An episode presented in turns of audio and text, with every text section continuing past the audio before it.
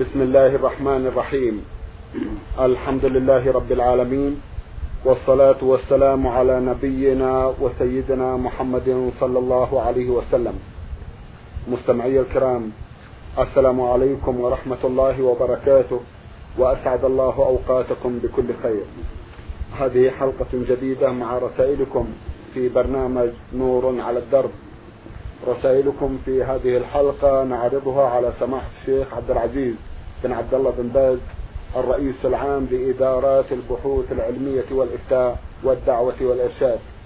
في بداية لقائنا نرحب بسماحة الشيخ وعلى بركة الله نبدأ في استعراض بعض من رسائل السادة المستمعين. فأهلا وسهلا بالشيخ عبد العزيز. حياكم الله حياكم الله. أولى رسائل هذه الحلقة رسالة وصلت إلى البرنامج من المنطقة الشرقية الخبر باعثتها إحدى الأخوات من هناك تقول ألف ميم. أختنا تقول أمي حلفت بالله على شيء ولكنها رجعت ففعلت فأخرجت كفارة اليمين خمسين ريالا وأعطتها أخاها لأنه فقير وخال من العمل ولكنها لا تصلي. فهل كفارتها صحيحة؟ وإذا كانت غير صحيحة فماذا تفعل؟ بسم الله الرحمن الرحيم. الحمد لله وصلى الله وسلم على رسول الله وعلى آله وأصحابه ومن اهتدى بهداه. أما بعد فإن الله عز وجل قد أوضح الكفارة عن كفارة اليمين في كتابه الكريم. حيث قال سبحانه لا يؤاخذكم الله باللغو في أيمانكم ولكن يؤاخذكم بما عقدتم الأيمان. فكفارته إطعام عشرة مساكين من أوسط ما تطعمون أهليكم أو كسوتهم أو تحرير رقبة. فمن لم يجد فصيام ثلاثة أيام ذلك كفارة أيمانكم إذا حلفتم واحفظوا أيمانكم الآية. قد أوضح سبحانه كفارة اليمين وأنها إطعام عشرة مساكين من أوسط ما يطعمه الإنسان أهله أو كسوتهم أو تحرير رقبة يعني عتق رقبة. فمن لم يجد ذلك يعني كان فقيرا لا يستطيع صام ثلاثة أيام. وبناء على هذا فالذي أخرجته أم السائلة وهو خمسون درهما عن كفارة اليمين لا تجزي لأن خلاف ما شرعه الله. فلا بد من التكفير بما شرعه الله. فعليه أن تخرج الكفارة لعشرة من الفقراء المسلمين وهي خمسة آصع من الرز أو التمر أو الحنطة لكل واحد نصف صاع يعني كيلو ونصف تقريبا. وإن عشتهم شيء مصنوع مطبوخ أو ردتهم كفى ذلك. وإن كستهم على قميص قميص أو إزار ولدا كفى ذلك. أما كونها لا تصلي فهذا منكر عظيم وكفر شنيع. الواجب عليها التوبة إلى الله سبحانه والرجوع إليه جل وعلا والندم على ما مضى والإقلاع من ذلك والبدار إلى التوبة إلى الله مع فعل الصلاة. لأن الصلاة عمود الإسلام وأعظم أركانه بعد الشهادتين. فمن تركها فقد ترك ترك عمود الإسلام. ومن ترك ذلك كفر. كفرا أكبر في أصح قولي العلماء.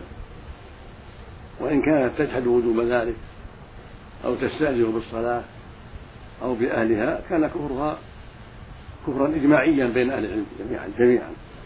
نسأل الله السلامة. وقد صح عن رسول الله عليه الصلاة والسلام أنه قال العهد الذي بيننا وبينهم الصلاة فمن تركها فقد كفر. خرجه الإمام أحمد وأهل السنن بإسلام صحيح عن بريدة رضي الله عنه؟ وفي صحيح مسلم عن جابر بن عبد الله الأنصاري رضي الله عنه عن النبي صلى الله عليه وسلم أنه قال بين الرجل وبين الكفر والشرك الصلاة. والمراد جنس المكلف رجل أو امرأة لأن أحكام الشرع تعم الجميع.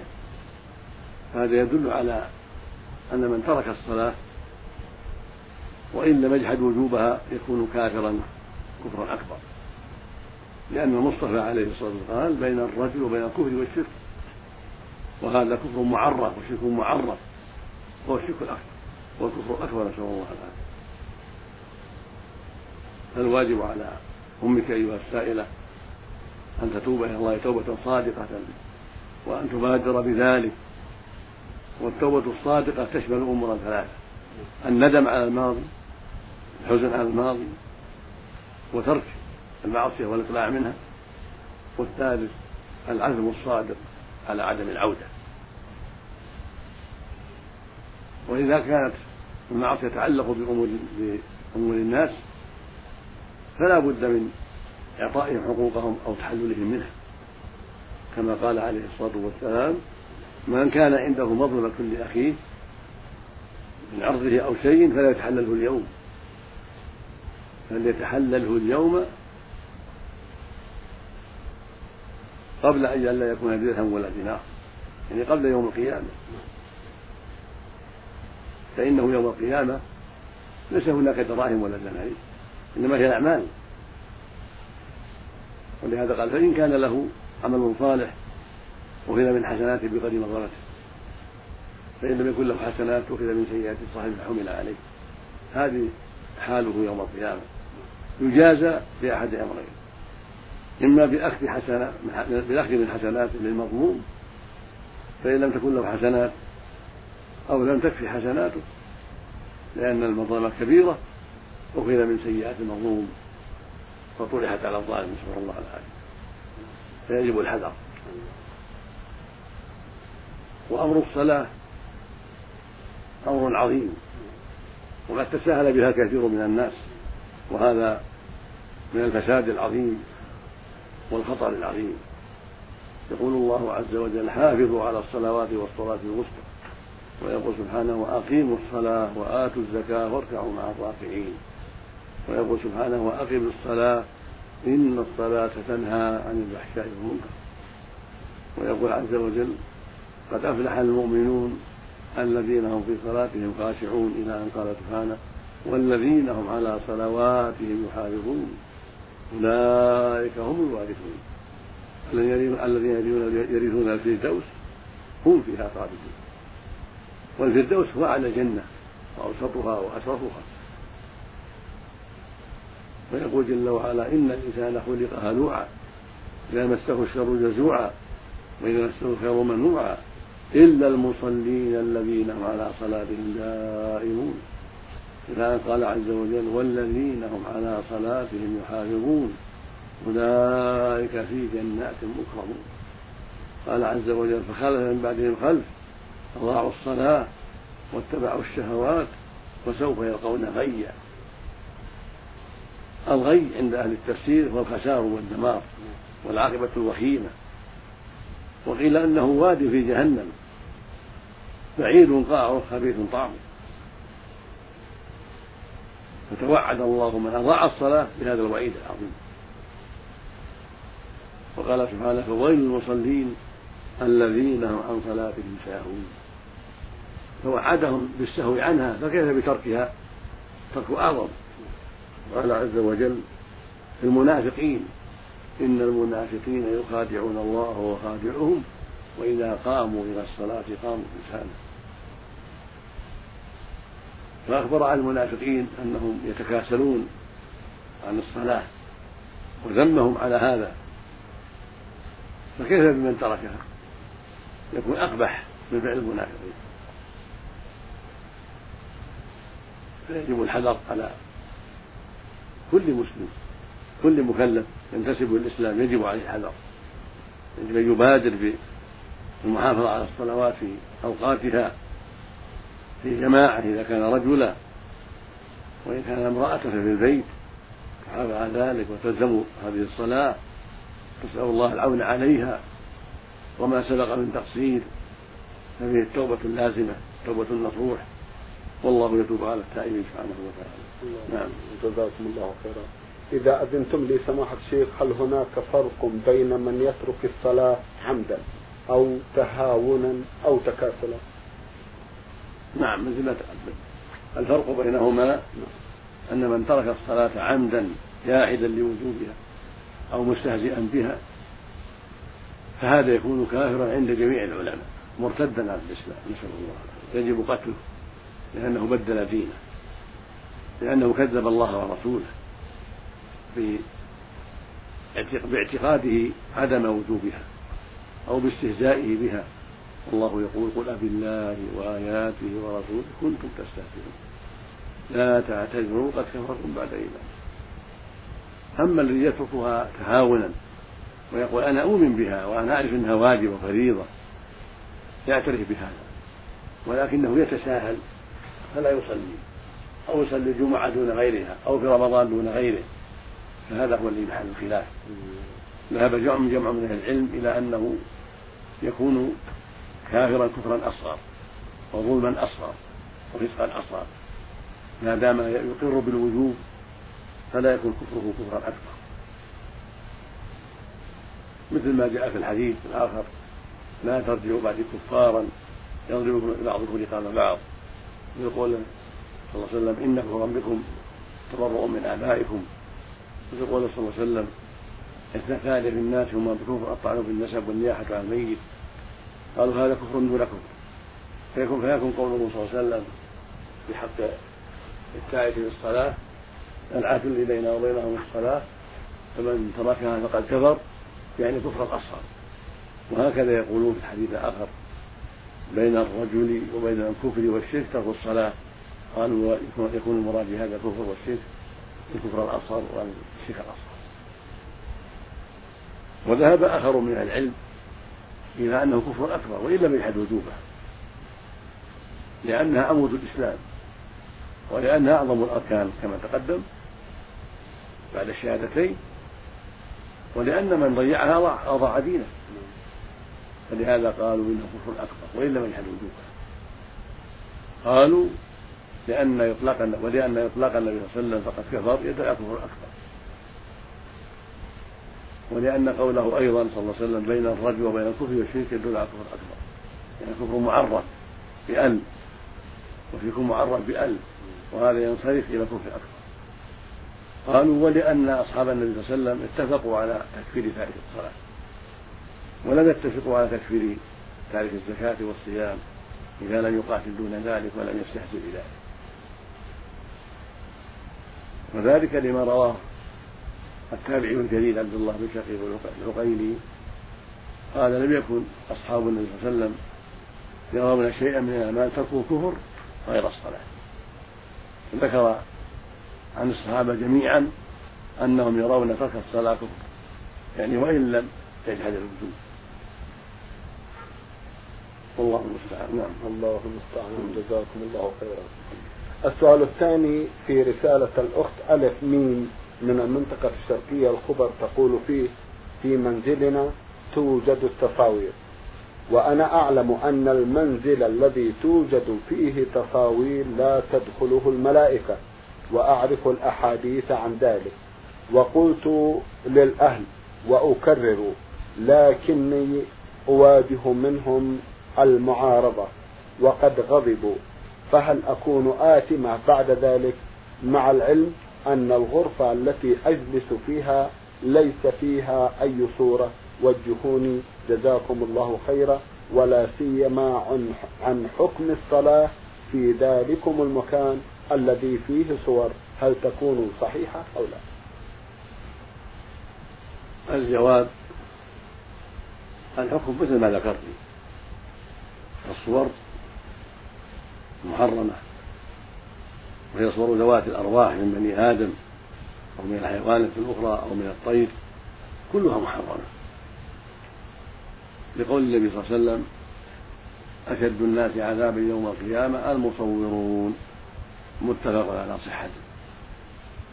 ولما رأى سترة عند عائشة فيه تصاوير معلقة على بعض أبوابها غضب عليه الصلاة والسلام وهتك الستر وقال إن أصحاب هذه الصور يعذبون يوم القيامة ويقال لهم أحيوا ما خلقتم وقال عليه الصلاة والسلام من صور صورة في الدنيا كلف أن ينفخ فيها الروح وليس بنافخ وقال عليه الصلاة والسلام أيضا لعلي رضي الله عنه لا تدع صورة إلا طمستها. لما بعثه إلى المدينة. لا تدع صورة إلا طمستها ولا قبرا مشرفا إلا سويته. وثبت عنه صلى الله عليه وسلم أيضا أنه لعن آكل الربا وموكله والواشمة والمستوشمة ولعن المصور واللعن يدل على شدة الخطر وأنها من الكبائر العظيمة. هذا التصوير من الكبائر العظيمة. وأنت جزاك الله خيرا. قد نصحت الأهل وأنكرت المنكر فقد أحسنت في هذا وهذا هو الواجب عليك وعلى أمثالك. لقول الله سبحانه والمؤمنون والمؤمنات بعضهم أولياء بعض يأمرون بالمعروف وينهون عن المنكر. فدل على أن الواجب لا يختص بالرجال بل هو عام للرجال والنساء. هذا هو الواجب في إنكار المنكر والأمر بالمعروف يعم الجميع. وهكذا قوله صلى الله عليه وسلم من رأى منكم منكرا فليغيره بيده فإن لم يستطع فبلسانه فإن لم يستطع فبقلبه وذلك أضعف الإيمان. خرجه إلى مسلم صحيح. وهذا أيضا يعم الرجال والنساء. فإن لم يستجيبوا لك فأنت معذورة. ولكن عليك أن تستمري في النصيحة ولا تملي ولا تيأسي وعليك أن تشجعي من فيه الخير من أهلك على مساعدتك في ذلك. وهكذا من ترين فيه الخير من الأقارب تحثينه على إنكار هذا المنكر. وإذا كانت غرفتك سليمة فالحمد لله. ونرجو أن تدخلها الملائكة لأنها سليمة. والصلاة في المحل فيه الصور صلاة صحيحة لكن شيئها في غير المحل فيه الصور يكون أولى أولى وأفضل لأن الصور قد تشوش على المصلي وقد تشغله عن صلاته. ولأن الصلاة في المحل المعلقة فيه الصور فيه نوع تشبه من عباد الأصنام. نوع تشبه بعباد الأصنام. فأقل الأحوال في ذلك الكراهة. لكن الصلاة صحيحة. وعليك أن تستمري في النصيحة ونسأل الله لأهلك الهداية والتوفيق. ويستثنى من هذا ما تدعو الضرورة إليه فإن الإنسان غير ممنوع منه كالذي يحتاج إلى التابعية ولا يعطى إياها إلا بالصورة فإنه يعفى عنه. بهذا للضرورة. إذا كان في حاجة إلى التابعية يعني الحفيظة ولم يتيسر أخذها إلا بصورة فإنه يعفى عنه للحاجة. وهكذا ما أشبه ذلك كالشهادة العلمية والتي لا تحصل إلا إلا بذلك مثل شهادة قيادة السيارات. فإن الناس في حاجة إلى هذه القيادة. فإذا لم لم تتيسر القيادة الرخصة إلا بهذا فلا حرج مثل تصوير المجرمين المعروفين بالإيغان ليعرفوا حتى يقبض عليهم وحتى ينفذ فيهم حكم الله أينما وجدوا.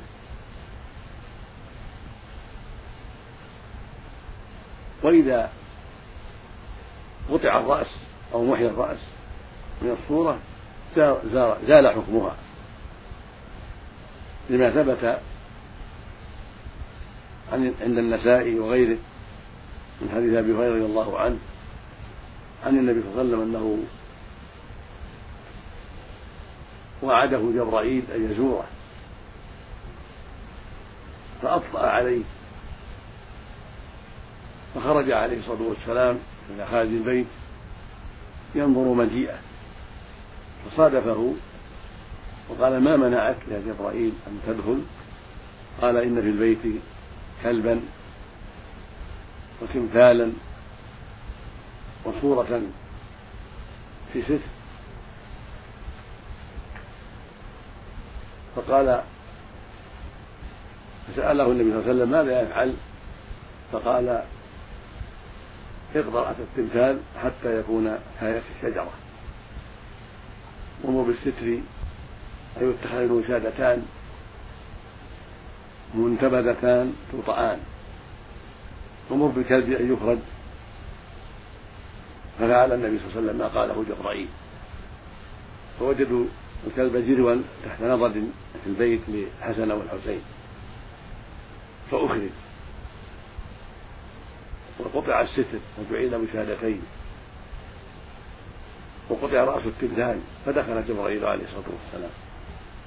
هذا يدل على أن إذا كان إذا كانت الصورة في شيء منتهى كالبساط والوسادة أو كانت بلا, بلا رأس قد زيل رأسها بكلية وأزيل ما يكفي الخط بين الرأس والبدن أو بالإزالة بالكلية أو مسحه بكل أو مسحه بالكلية حتى لا يبقى له صورة.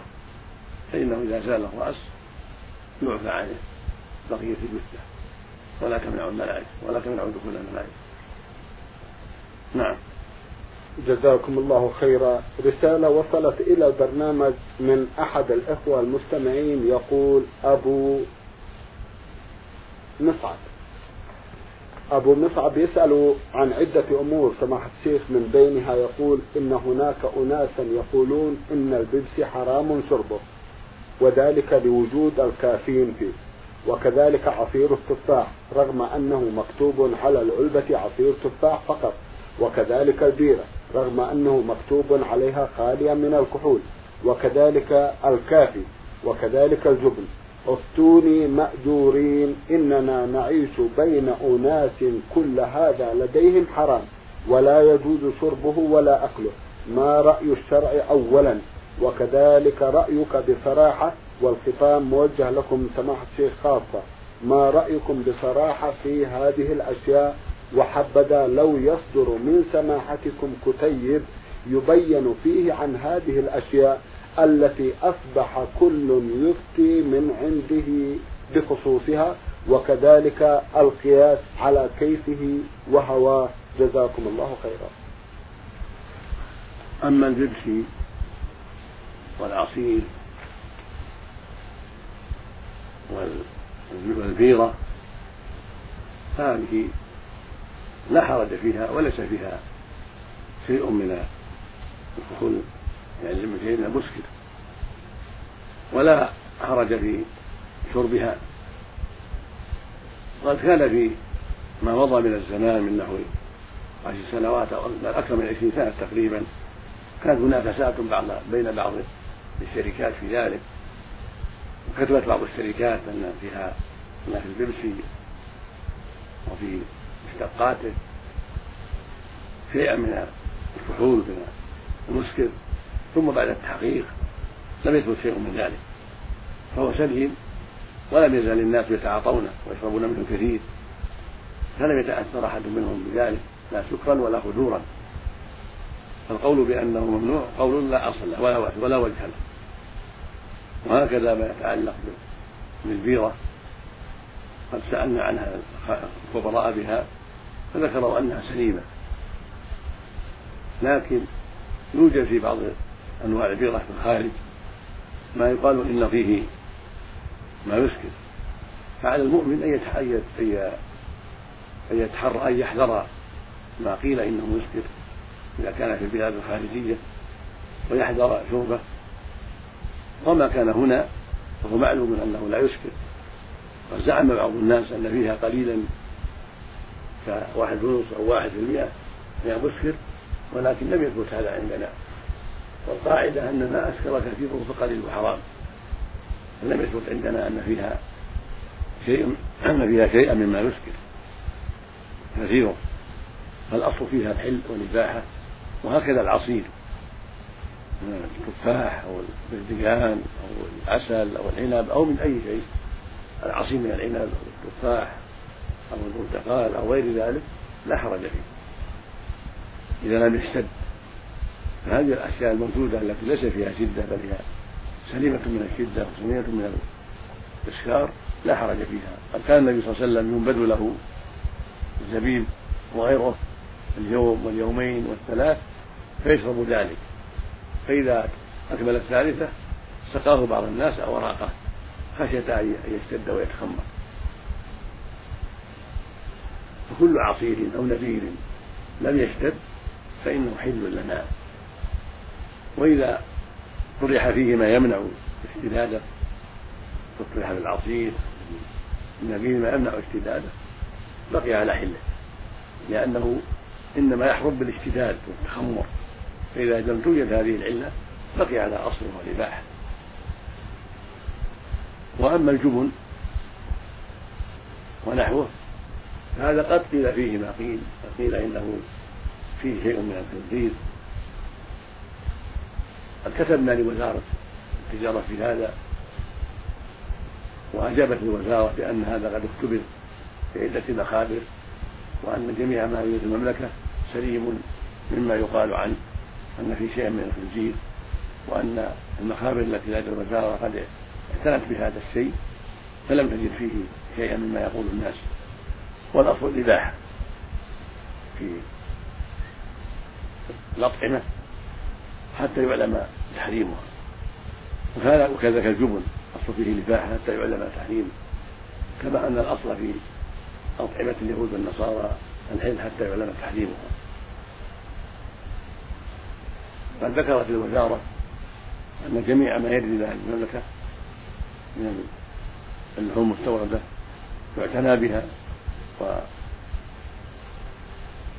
ويحرص على سلامتها. وهناك من يعتني بذلك من جهة الوزارة في البلدان التي تستورد منها اللحوم. فنسأل الله أن يزيدها من التوفيق. ولا يزال لنا معها اتصال وعناية. حتى ينتهي المشكل إن شاء الله. إن شاء الله. جزاكم الله خيرا. مطالبة أخينا سماحة الشيخ بإصدار كتيب عن هذا الموضوع لعله هذا إن شاء الله ننظر فيه ولعله يتيسر إن شاء الله. عن قريب. جزاكم الله خيرا. سماحة الشيخ في ختام هذا اللقاء أتوجه لكم بالشكر الجزيل. بعد شكر الله سبحانه وتعالى على تفضلكم بإجابة السادة المستمعين. وآمل أن يتجدد اللقاء وأنتم على خير.